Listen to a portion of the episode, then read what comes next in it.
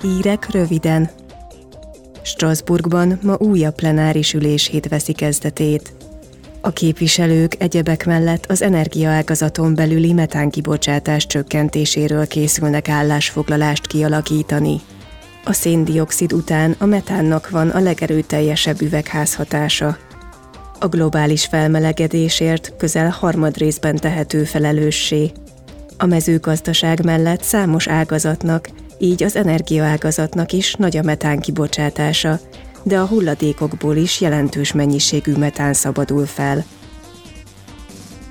Az Európai Bizottság ma újabb javaslatot terjeszt a parlament elé, melyben ismerteti, hogy milyen intézkedésekkel segítene növelni Európa lőszer és rakétagyártó kapacitását. Erre Oroszország Ukrajna ellen folytatott agresszív háborúja miatt lenne szükség. A javaslat értelmében az uniós költségvetés 500 millió eurót különítene el a célra.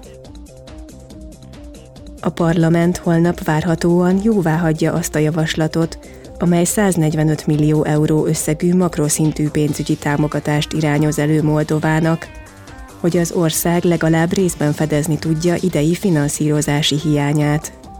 A két részletben folyósítandó támogatást bizonyos feltételekhez köti az Európai Unió. Moldovának konkrét eredményeket kell felmutatnia úgy az igazságügyi reform és a jogállamiság, mint a korrupció elleni küzdelem terén.